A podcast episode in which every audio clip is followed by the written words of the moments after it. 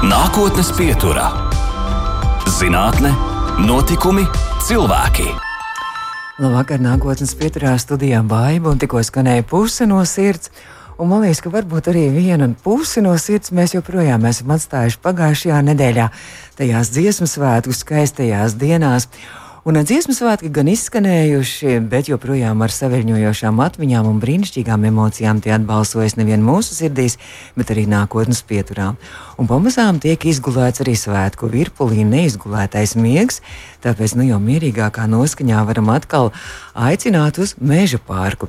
Šoreiz arī tos, kur nebija to gandrīz 16,000 izredzēto, proti, koristu vidū, un kam svētku laikā nebija iespēja paviesoties Sidraba virs ziemeļrietumu spārnā esošajā dziesmu svētku telpā. Rakstniecības un mūzikas muzeja veidotajā unikālajā latviešu dziesmu svētku tradīcijai veltītajā pastāvīgajā ekspozīcijā. Un nākotnes pietrā gan līgo karogu, laika upi, lielāko koru pasaulē aplūkot, gan koru mūzikas klausīšanās krēslos pasēdēt aicinās vērienīgās ekspozīcijas radošās un pētnieku komandas dalībniece Laura Švītiņa, bet tas vēl nav viss. Ar Lauru starpniecību šodienas ekskursiju turpināsim atpakaļ uz Rīgas centru mūzikas akadēmiju, kur ielūkosimies komponistu Jāzepa Vītola piemiņas istabā un vēl sēdīsimies laika mašīnā, lai dotos simts gadus tālā pagātnē un uzzināt par kaislībām, kādas Latvijas skaņraža vidū valdīja pagājušā gadsimta 20. un 30. gados. Un tā, Laura Švītiņa, Mūzikas akadēmijas Zinātniskās pētniecības centra zinātniskā asistente un muzikoloģijas katedras docētāja. Saku, labvakar, Laura! Vakar. Nu, kā tad dziesmu svētki? Man liekas, ka joprojām sabiedrībā joprojām tā viļņošanās notiek. Un, un dažādos sociālajos tīklos un portālos un viskaur kur un sarunās. Nu, nevaram mēs vēl no tiem dziesmu svētkiem vēl attālināties. Noteikti, jā, es arī sekoju līdzi visiem radio raidījumiem un ziņām, kur šobrīd reflektē par dziesmu svētkiem. Tas ir ārkārtīgi interesanti, jo viens ir sekot viņiem līdzi, kad tie notiek, un, un pēc šīm pārdomām pēc tam dalīties ar, ar to. Un arī es noteikti aicinu tiem, kas vēlas vēl pakavēties šajās dziesmu svētku sajūtās, iegriezties no jau jūnija sākumā atklātajā dziesmu deju svētku ekspozīcijā. Dziesmu svētku jā, par to noteikti mēs tūlīt runāsim. Jā. Bet es gribēju vaicāt par tiem dziesmu svētkiem. Pirms dziesmu svētkiem televīzijā arī bija tādi nu, mazi sižetiņi veltīti dziesmu svētku vēsturei. Un arī tur jūs ļoti bieži bija televīzijā, bijāt redzami. Un pat arī man liekas, ka dziedājāt putekļi. Jā, ļoti labi. Es gribēju vaicāt, vai jūs arī dziedat, ko arī dziedājāt, kad dziesmu svētku dalībnieks bijāt? Ko arī nē, ko arī koris nav uh, bijis mans kolektīvs. Es esmu dziesmu svētkos piedalījusies ar deju kolektīvu. Oh! Bērnībā, bet um, šogad bija intensīvs apmeklētājs. Aha, tikai, tikai un vienīgi skatītāji vairāk, jā, rindās. Bet uh, jūs esat multi-instrumentāliste. Izlasīju. Tev bija kaut kur rakstīts. Nu, man noteikti viena no kaislībām ir spēlēt ģitāru, un studiju laikā jau ir klavierēm daudz jāpievēršas. Dziedāt ir prieks Pēc man no pašas bērnības. Jā, nu jā muzikologos iemācījāties. Jā. Es studēju, pabeidzu bakalaura studijas, maģistra studijas, jā, muzikoloģijā. Nu, tur jau viss solfeģi un viss tur ir, jā, dziedāt arī gal galā jāmāk arī. Nu, skaidrs, bet kādi bija tie skaistākie mirkļi dziesmu svētkos? Nu, man spilgtākais bija deju liela koncerts, mūžīgais dzinējs. Man tas tiešām piesirds mm -hmm. tīk visvairāk. Kā, kā dejotājai bijušajai bērnībā? Viss kaut kā iespējas kopā, jā. Bet nu, nu, koncerts tīrums arī ir. Nu, man liekas, ka tas bija arī ārkārtīgi izcils un, un tiešām ļoti, ļoti, ļoti labs koncerts. pretstatā no tā, ko visi gribēja uz noslēgumu, vai ne? Bet tas tī, tīrums, tīrums uh, aicināja vēl biļets arī bija pēdējā brīdī, bet man liekas, ka bija, bija to vērts. Par uh, šo dziesmu svēku tāpu, kas ir veltījums latviešu dziesmu un deju svēku tradīcijas dzimšanai, gaitai un turpinājumam. Un, uh, Tur ir rakstīts, tā es izlasīju, ekspozīcijas pieredzēšanai ir tikpat daudz iespēju, cik soļu svētku gājienā. Uh, Un laikam tā ir tiešām grandioša ekspozīcija. Nu, tad, Mēs varam aicināt, tagad beidzot jā. arī visi var nokļūt tur, jā, ne tikai dziesmu sēkļu dalībnieki ar savām kartēm. Jā, tik tiešām tā ir man arī šis teikums no manifesta.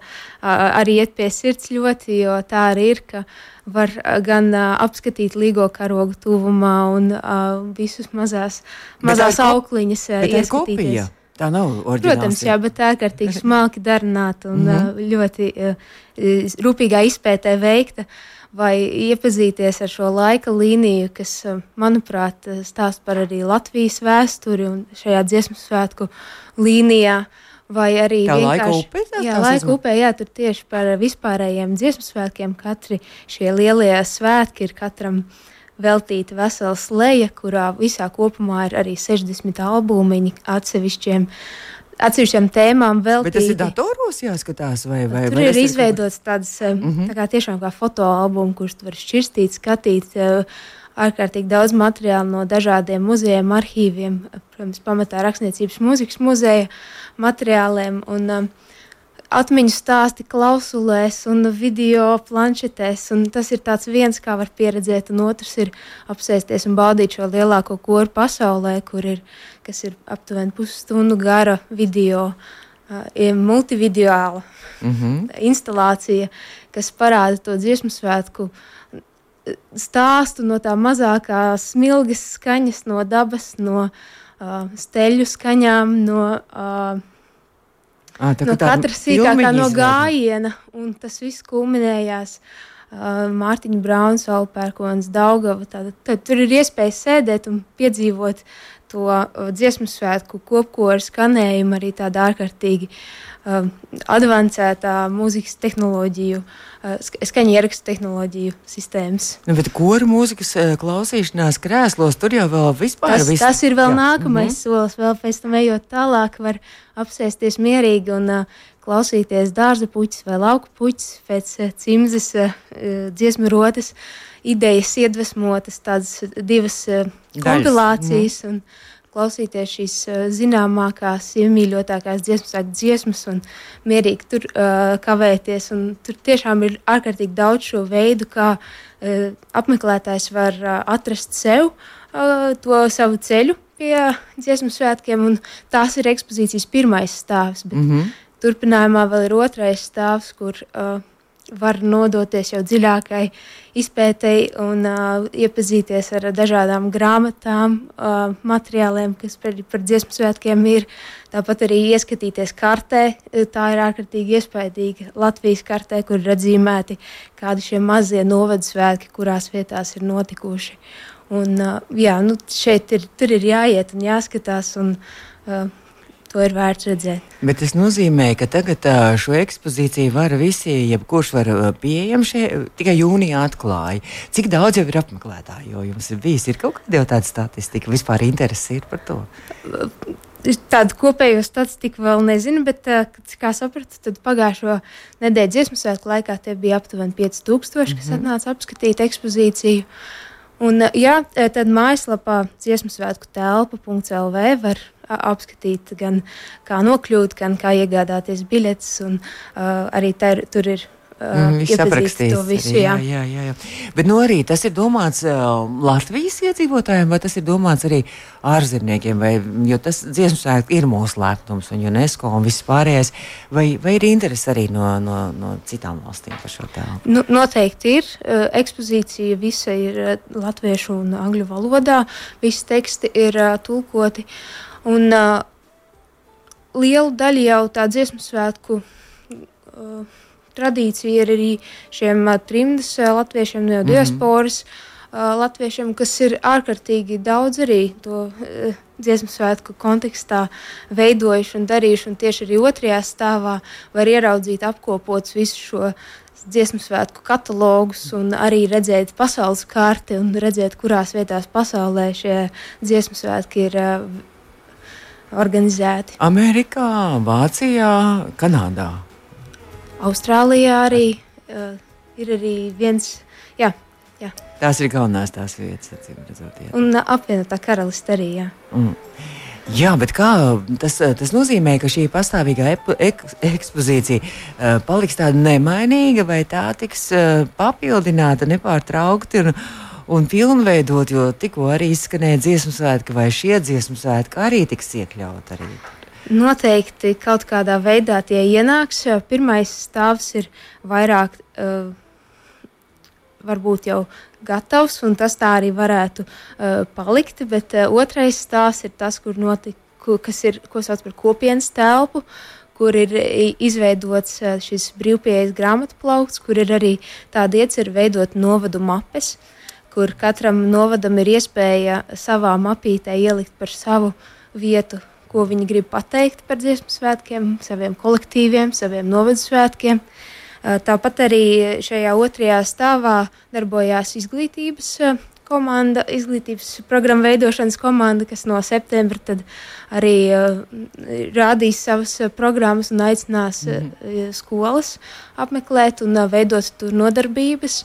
Un, tāpat arī uh, cenšamies uh, dot savu ieguldījumu arī pētniecībā, veidojot un plānojot uh, konferences saistībā ar muzeju. Un mm. arī šajā mājaslapā var dziesmu sēkta telpa.clv ir tāda sadaļa pēti un izzini, kur ir tāds vērtīgs uh, uzziņu resurs, bibliogrāfija, kas ir arī veidota pēdējo pusgadu laikā, ļoti intensīvi šobrīd aktualizēta, kas uh, man ārkārtīgi svarīgs uh, tāds punkts, tādēļ, ka arī ārkārtīgi daudz par dziesmu svētkiem tiek veidoti raidījumi, mm -hmm. pētījumi, visādi atmiņu stāsti. Un tā, to visu gribas apkopot tādā vienā vietā, lai, lai par to var uzzināt, lai pirmkārt tas atvieglotu arī nākotnes pētniecību, lai varbūt pēc, nāk, pēc pieciem gadiem mēs varam atskatīties, cik daudz un kāda raidījuma par gaismas pilnu tapu, un varbūt mēs varam kaut ko jau izmantot vai kaut ko jaunu, un kādi jautājumi šogad bija aktuāli, tos kā, mm. tad atskatīties ar laiku un nogriezt atpakaļ. Un tas ir tāds. Mēģināt apkopot to informāciju, kas ir nu, mal malās, mm -hmm. dziesmu svētkiem, nu, tādā vienā uzziņu resursā. Bet, nu, kā piemēram mūsu klausītāji, nu, tie, kas ir dziesmu svētku dalībnieki, koristi, dejotāji, kā viņi var piedalīties? Viņam arī kaut kā mēs viņus varam aicināt iesaistīties šīs telpas turpmākā veidošanā. Noteikti, jā, mums ir lieliska sadarbība ar Eh, Jālgavas novadu, kur mēs šobrīd tādu tā kā pilotu projektu veidojam ar eh, sadarbībā ar Rakstniecības un mūzikas muzeju, ka e, novads mēģina apkopot e, šos stāstus no cilvēkiem, e, fotografijas, un tad viņi to var to savu materiālu atsūtīt mm -hmm. mums. Un arī tad, kad tas cilvēks no jebkuras Latvijas malas atbrauc, viņš tajā vietā kaut ko par sevi var uzzināt. Un, Uh, jā, tad, tad, tā kā tad iecer, ka tās visas mazās upītes saticēs satak vienā vietā. Un, un... Tā kā tāds liels dziesmu svētku dzimtas koks sanāk, jā. vai ne? nu, brīnišķīgi, man liekas, ka uh, tad mēs varam arī aicināt mūsu klausītājus arī laika gaitā droši vien, ka arī varēs arī katrs vēl savu ārtavu dot arī šīs dziesmu svētku telpas arī um, papildināšanā. Es domāju, ka uh, atnākot, apskatot radīsies katram pašam sajūta, kādā veidā viņš grib piedalīties un uh, iesaistīties. Tā, Laura, cik stundas ir uh, jārēķina? Ja, nu, nevis nokļūšana meža parkā, bet cik stundas ir jārēķina, tur var pavadīt, lai, lai tā kaut, kā, kaut, kaut cik kaut ko apskatītu un izklausītu un tā viss. Tieši šonadēļ, otrdien, biju kā apmeklētājs ekspozīcijas, jo biju kopā ar saviem uh, ģimenes draugiem. Mums tā divas stundas bija tā, tikai likās izskriet cauri visam, jo tiešām ir ārkārtīgi daudz. Un, uh, jā, tur ir ko skatīt, baudīt, pētīt. Uh, Un, uh, protams, ja vēl gribu apvienot to, ka var uzkāpt augšā estrādē, pamēģināt aiziet uz otru galu un, un izjust to pašu estrādes, vēl, nu, tad mm -hmm. var ar vēl vairāk stundām rēķināties. Bet, nu, labi, jūs bijāt tā kā gīds arī zinošs cilvēks, kas pavadīja savus draugus, bet, bet uh, droši vien, ka vienkārši var iet un staigāt un pa, paši var baudīt Tieši to tā. visu. Ja? Tik cik soļu gājienā, tik, tik soļu un iespējas ekspozīcijas. Nu, tiešām var, varens darbs ir ieguldīts, un es saprotu, ka arī tas ir ārkārtīgi tehnoloģiski, arī ļoti inovatīvs, un tur ir interesanti arī visu to redzēt, un kā tas tehniski eh, ir atrisināts arī ar skaņas, skandām, nezinu cikām un, un ekrāniem. Ja. Tāpēc, ka ekspozīcijas veidošanā ir iesaistīta ārkārtīgi daudz eh, cilvēku, eh, dažādas komandas, kas katra pie šī objekta ir strādājuši. Un, jā, piekrīt, šis lielākais kurs pasaulē ar 128 ekrāniem un skaņu, kas ir visapkārt, rada to sajūtu, ka tu tiešām esi tur un tu vari atgriezties. Es tieši vēl apskatīju viesu grāmatu, ko ir mm. jau cilvēki ierakstījuši. Man ārkārtīgi pie sirds gāja šis viens ieraksts.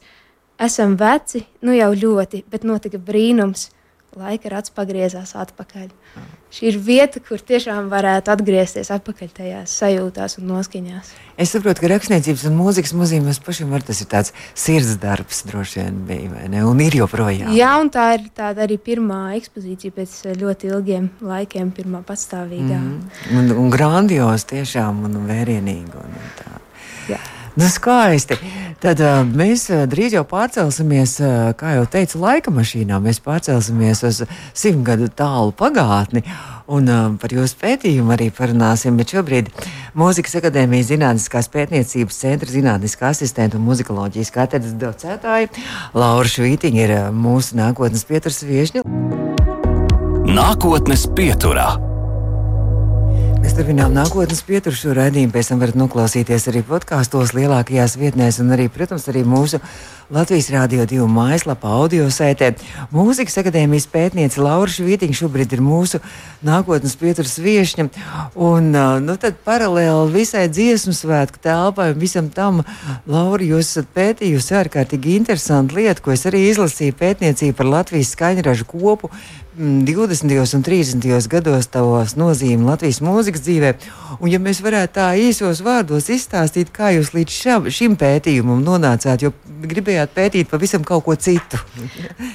nu jā, man, manas tās pētnieciskās intereses ir arī saistībā ar tieši mūziku kultūrā, procesi par un ap. Un, kas notiek tā, tāda mūzikas dzīve plašāk. Man interesēja mūzika parkos, un tad es atklāju, ka tādu ļoti interesantu koncertu kā apvienot orķestru simfoniskais koncerts rīko Latvijas mūziķu biedrība. Un tad es sākumā to pētīju, un tad man bija iecerēts vairākas, vēl, šajās mūziķu biedrībās iedziļināties. Tā es nonācu līdz Latvijas skaņražu kopai, kas bija nu, šajos 20. un 30. gados dominējošā un tāda ievērojamākā komponistu apvienība. Bet bija arī vēl tur operas dziedātāji un jā. diriģenti un vēl visāds apvienības. Biedrības ja? bija mm -hmm. daudz, jā. Nu, tad šī skaņraža kopā bija, bet tur, tur arī visi skaņraži neapvienojās. Ne, jā, tur, viņi tur... arī ievērojams diriģentus, atskaņotāju māksliniekus uzaicināja savā pulkā, ielūdza. nu, jā, bet tas, tas faktiski, palasot to jūsu arī vispētījumu, nekas nav jauns. Tajos laikos tagad ir daudz kas sašķēlies un dažādos virzienos, un katrs pa sevi, un, un tad arī konkurēt. Tajos laikos bija kaut kas līdzīgs arī pirms simts gadiem. Ja? jā, nu viņi eh, Latvijas skaņrežu kopa kā tāda. Uh, Eh, kā komponistu organizācija darbojās arī ļoti plaši, eh, varbūt metot eh, atpakaļ skatu uz tiem dziesmu svētkiem, mm -hmm. iesaistījās šajās organizācijas komitejās, veidoja, tad iesaistījās arī reperto, repertuāru izveidē. Un, Tad, kad bija konflikts ar diriģentiem, tad nolēma, ka jā, jādibina šī Latviešu dziesmu svētku biedrība, kas bija galvenā organizētāja 7. un 8. dziesmu svētkos. Un tas, ka Latvijas skaņraža kopa arī nodarbojas ar izdevēju darbību, un viņi izdeva diezgan daudz notis, dziesmu krājumus arī tieši novadu dziesmu svētkiem, bet, un tāpat arī vēl mūzikas žurnālu izdeva.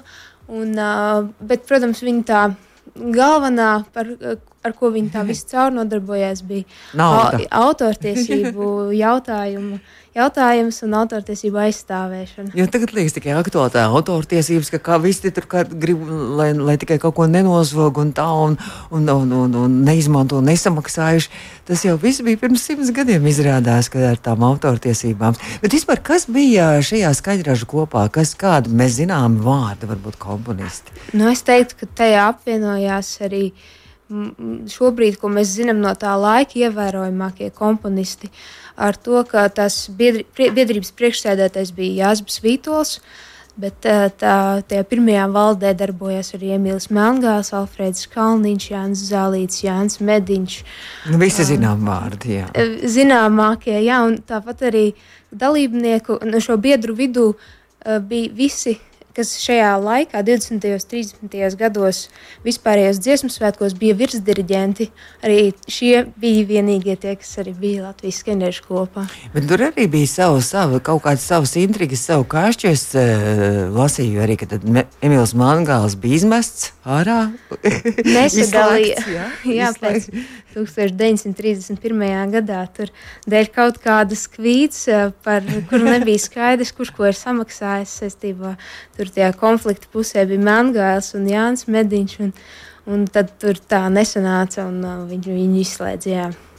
Bet tad šīs, šī skaņraža kopa arī cīnījās par to, lai viņi varētu arī būt tie galvenie dziesmu svētku rīkotāji. Man liekas, 7. vai 6. Ja, dziesmu svētki. Ja. Sestajos viņi bija iesaistīti šajā organizācijas komitejā, bet nu, tā, tad, tad viņi 30. 30. gadā nodibināja atsevišķu šo biedrību, mm -hmm. un tad tālāk tā pārņēma šo dziesmu svētku rīkošanu. Bet tas bija tādā, apskatoties to biedrus, viņi bija vienā un otrā, un Vītols, protams, figurēja abās. Nu, šī biedrība nodarbojās, kā jau jūs teicāt, arī ar, šīm visām autortiesību sakārtošanas lietām un vispārējo. Un tad uh, es saprotu, ka jūs tur milzīgu darbu ieguldījāt, sēžot arhīvos, pētot materiālus. Kādi tur ir saglabājušies tie materiāli no šīs skaņraža kopas, tie rakstiskie? Nu, ja, arhīvu avotu izpēta ir tas uh, pamats uh, tam, ko es daru. Un par skaņrežu kopu materiāli ir visur, kur. Viena tāda ārkārtīgi nozīmīga protokolu grāmata atrodas Mūzikas akadēmijā Vītolistabā. Protokolu grāmata. Jā, kur viņi pierakstīja, kad bija šīs sēdes, ko -hmm. viņi tajās runāja diezgan detalizēti. Bet ārkārtīgi daudz ir Latvijas valsts vēstures arhīvā, kur ir arī saglabājušies šie uh, la, radiofona autora honorāru izmaksātie reģistri. Un, uh, Vītis čeki arī. Jā, čeki aprēķināts, cik katrā mēnesī kādas summas katram ir. Tas ir radoši cilvēku komponisti, bet ir tik, tik ārkārtīgi pedanti. Ir bijuši, tas bija, jā. ja Latvijas skeneru kopa dibināja uh, 1923. gadā, un jau nākamajā gadā, nu, būtībā gada ietveros, viņi izveidoja uh, pirmo autoru honorāru tarifu. Tad tāda listi, kur rakstīts par katru dziesmu, pa dziesmu, vai par simfoniju, vai par svītu, cik ir Latvijā jāmaksā. Nu, piemēram, cik ir tie lati? Es arī skatījos, ir uh, 45 Latvija par koncertu ar orķestri. Uh, Un 60 lati ir jāmaksā par atskaņošanu. Simfonijas vai oratorijas orķestra pavadījuma atskaņošanu. Tur jāmaksā 60 lati. Bija. Jā, šīs pozīcijas tie bija lielākie honorāri. Tie bija lielākie, un šīs pozīcijas mazāk mainījās.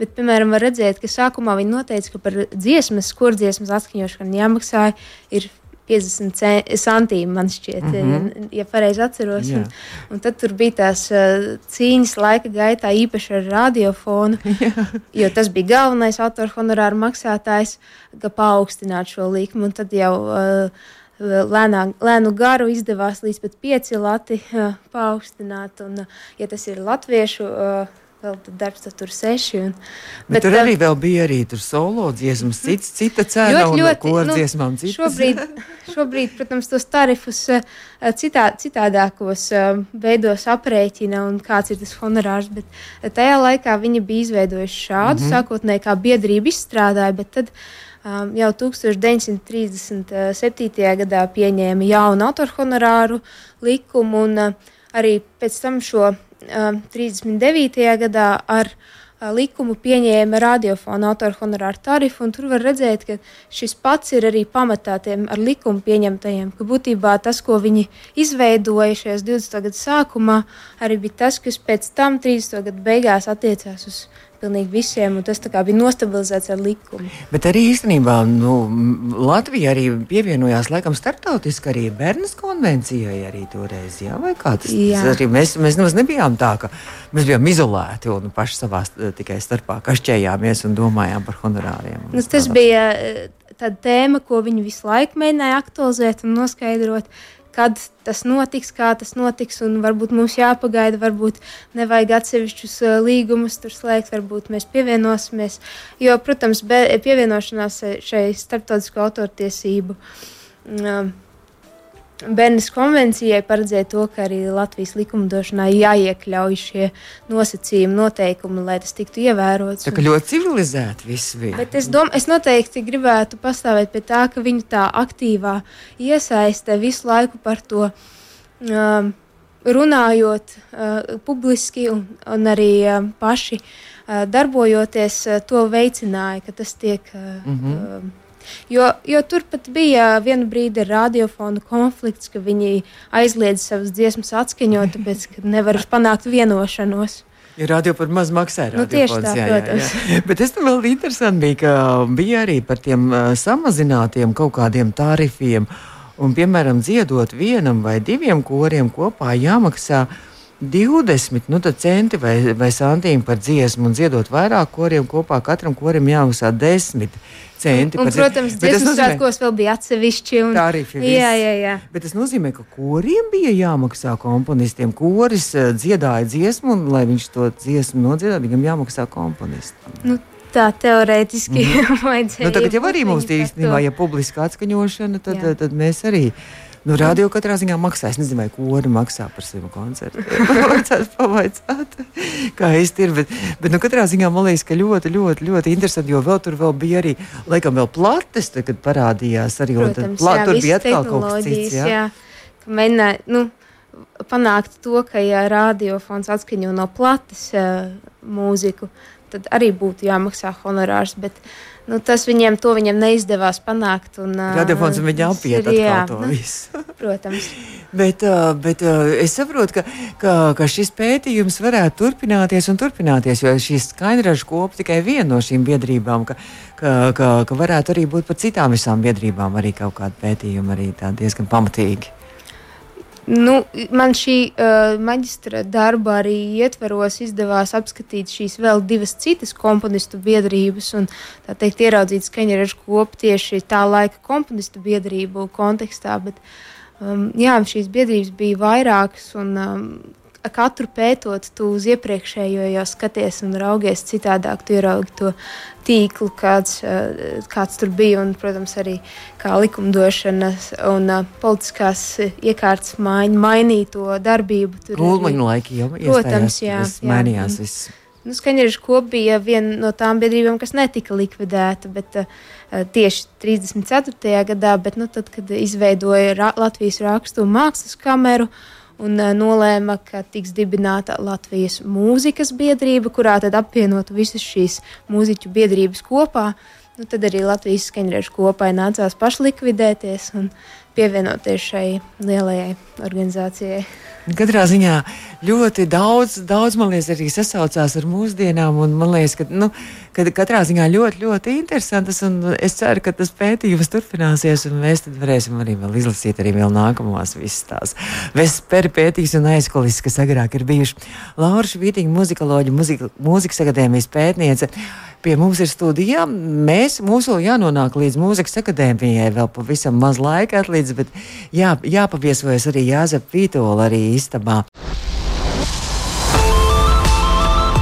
Nākotnes pieturā - zinātne, notikumi, cilvēki. Nu, mums vēl tikai nākotnes pieturā atliek paviesoties Jāzepa Vītola istabā Mūzikas akadēmijā. Un pie mums šodien ciemos ir rakstniecības un mūzikas muzeja eksperte mākslas jomā. Pareizi pateica Laura Švītiņa, bet arī mūzikas akadēmijas, arī pētniece, zinātniskās pētniecības centra zinātniskā asistenta un muzikoloģijas katedras docētāja. Laura Švītiņa un Laura, jūs esat atbildīgi arī, man liekas, par to Jāzepa Vītola arī istabu mūzikas akadēmijā. Arī, arī vēl viena unikāla telpa. Jā, tā noteikti ir unikāla telpa pagājušā uh, gada septembrī vai oktobrī kaut kādā brīdī man to pieņēmu viņu, un uh, tad sākās tāds ilgs, lēns process viņu atgriezt tādā sakārtotā vidē un uh, ieraudzīt, kas tur ir pa vērtībām. Un, uh, un at, un nonākt līdz tam brīdim, kad tur var rīkot uh, tādu fantastisku ieskaņas pasākumu, kā brokastis vītola istabā. Tas tā kā tā un, tikšanās mūzika vai tā, tā bija tāda. Tikšanās šoreiz tā bija iekšējā ar muzikas akadēmijas studentiem, uh, lai parādītu viņu atvērtu, pastāstītu, jo šī telpa ir, ir šis muzejs, ir izveidota jau pirms 60 gadiem. Un tas ir viņa dzīvoklis. Viņš tur dzīvoja kādreiz, ja, kad bija rektors dibināja. Uh, kaut kur tur otrajā à. stāvā viņš ir dzīvojis. Pats viņš students, kā saprotu, pieņēma uh, pirmajā stāvā. Bet, uh, tā bija Adolfs Kultas ideja iekārtot tādu telpu, kas līdzinātos tam, kā izskatījās Vītola darba kabinets. Un, uh, tur, protams, ir viņa oriģināla uh, grāmatas un uh, materiāli, kas ir arī tur atgriezušies pēc tam, kad Vītols devās trimdā, tad vai tas ir atsūtīts atpakaļ, vai ar Aniju Vītolu to ir atvedusi atpakaļ. Un, um, tā telpa ir piedzīvojusi dažādas pārmaiņas, un ilgstoši tur darbojās arī Oļģerts Grāvīts, muzikologs, un uh, viņam bija tāda ļoti aktīva saraksta ar trimdu, un arī tie sūtīja ārkārtīgi daudz materiālus, tur ir tāds arhīva kolekcija, kas uh, dus Bet pagaidām tad, tā ir arī tikai akadēmijas lokā atvērta un var apskatīties mūzikas akadēmijas studenti, pasniedzēji, darbinieki. Vai tur drīkst arī no malas nākt un arī aplūkot šo telpu un izpētīt? Tad, kad uh, tiek pieteikts ekskursijas skolēni, oh, tur tā. arī var mm -hmm. tikt iekšā un redzēt. Uh, protams, pētnieki uh, sazinoties arī var tikt iekšā. Un, uh, Bet eh, mēs ejam uz to, lai maksimāli viņu padarītu uh, pieejamu tādā ziņā, ka uh, lai ir zināms, kas, kas tur pa materiāliem ir, un ka viņus var apskatīt un zināt, kā, kā ar viņiem darboties, lai, lai tas, kas tur ir, kļūst pieejams. Tas jo, ir tas gal, galā, ceļš, Jāzeps Vītols ir konservatorijas savulaik dibinātājs un viss pamatlīdzējs, ne tikai gaismas pils arī autors, ne, ko, ko, protams, neviena dziesmas svētku neiztiek bez gaismas pils, kā gan savādāk.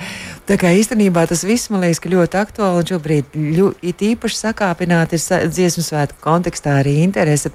Bet uh, tad uh, tur ir kaut kādas idejas, ja tās vienas brokastis muzikālās bija, tad varbūt nākotnē tiešām arī šī telpa tiks apdzīvot ar mūziku arī vairāk. Jā, nu, tā telpa ir tāda īpatnēja ar to, ka tur patiesībā tā ieeja ir caur kompozīcijas katedras klasi, kur ikdienā notiek darbs jauniem komponistiem. Un, un tad, viņ, tad tur, tur noteikti dzīvo mūzika blakus, mm -hmm. bet uh, tas ir tie ir nākotnes uh, plāni un idejas, ka tur tiešām var visu kaut ko interesantu realizēt. Un, Tā, tur īstā tāda mūzikas radošā aura droši vien. Tur arī, visu laiku noteikti ir klātesoša.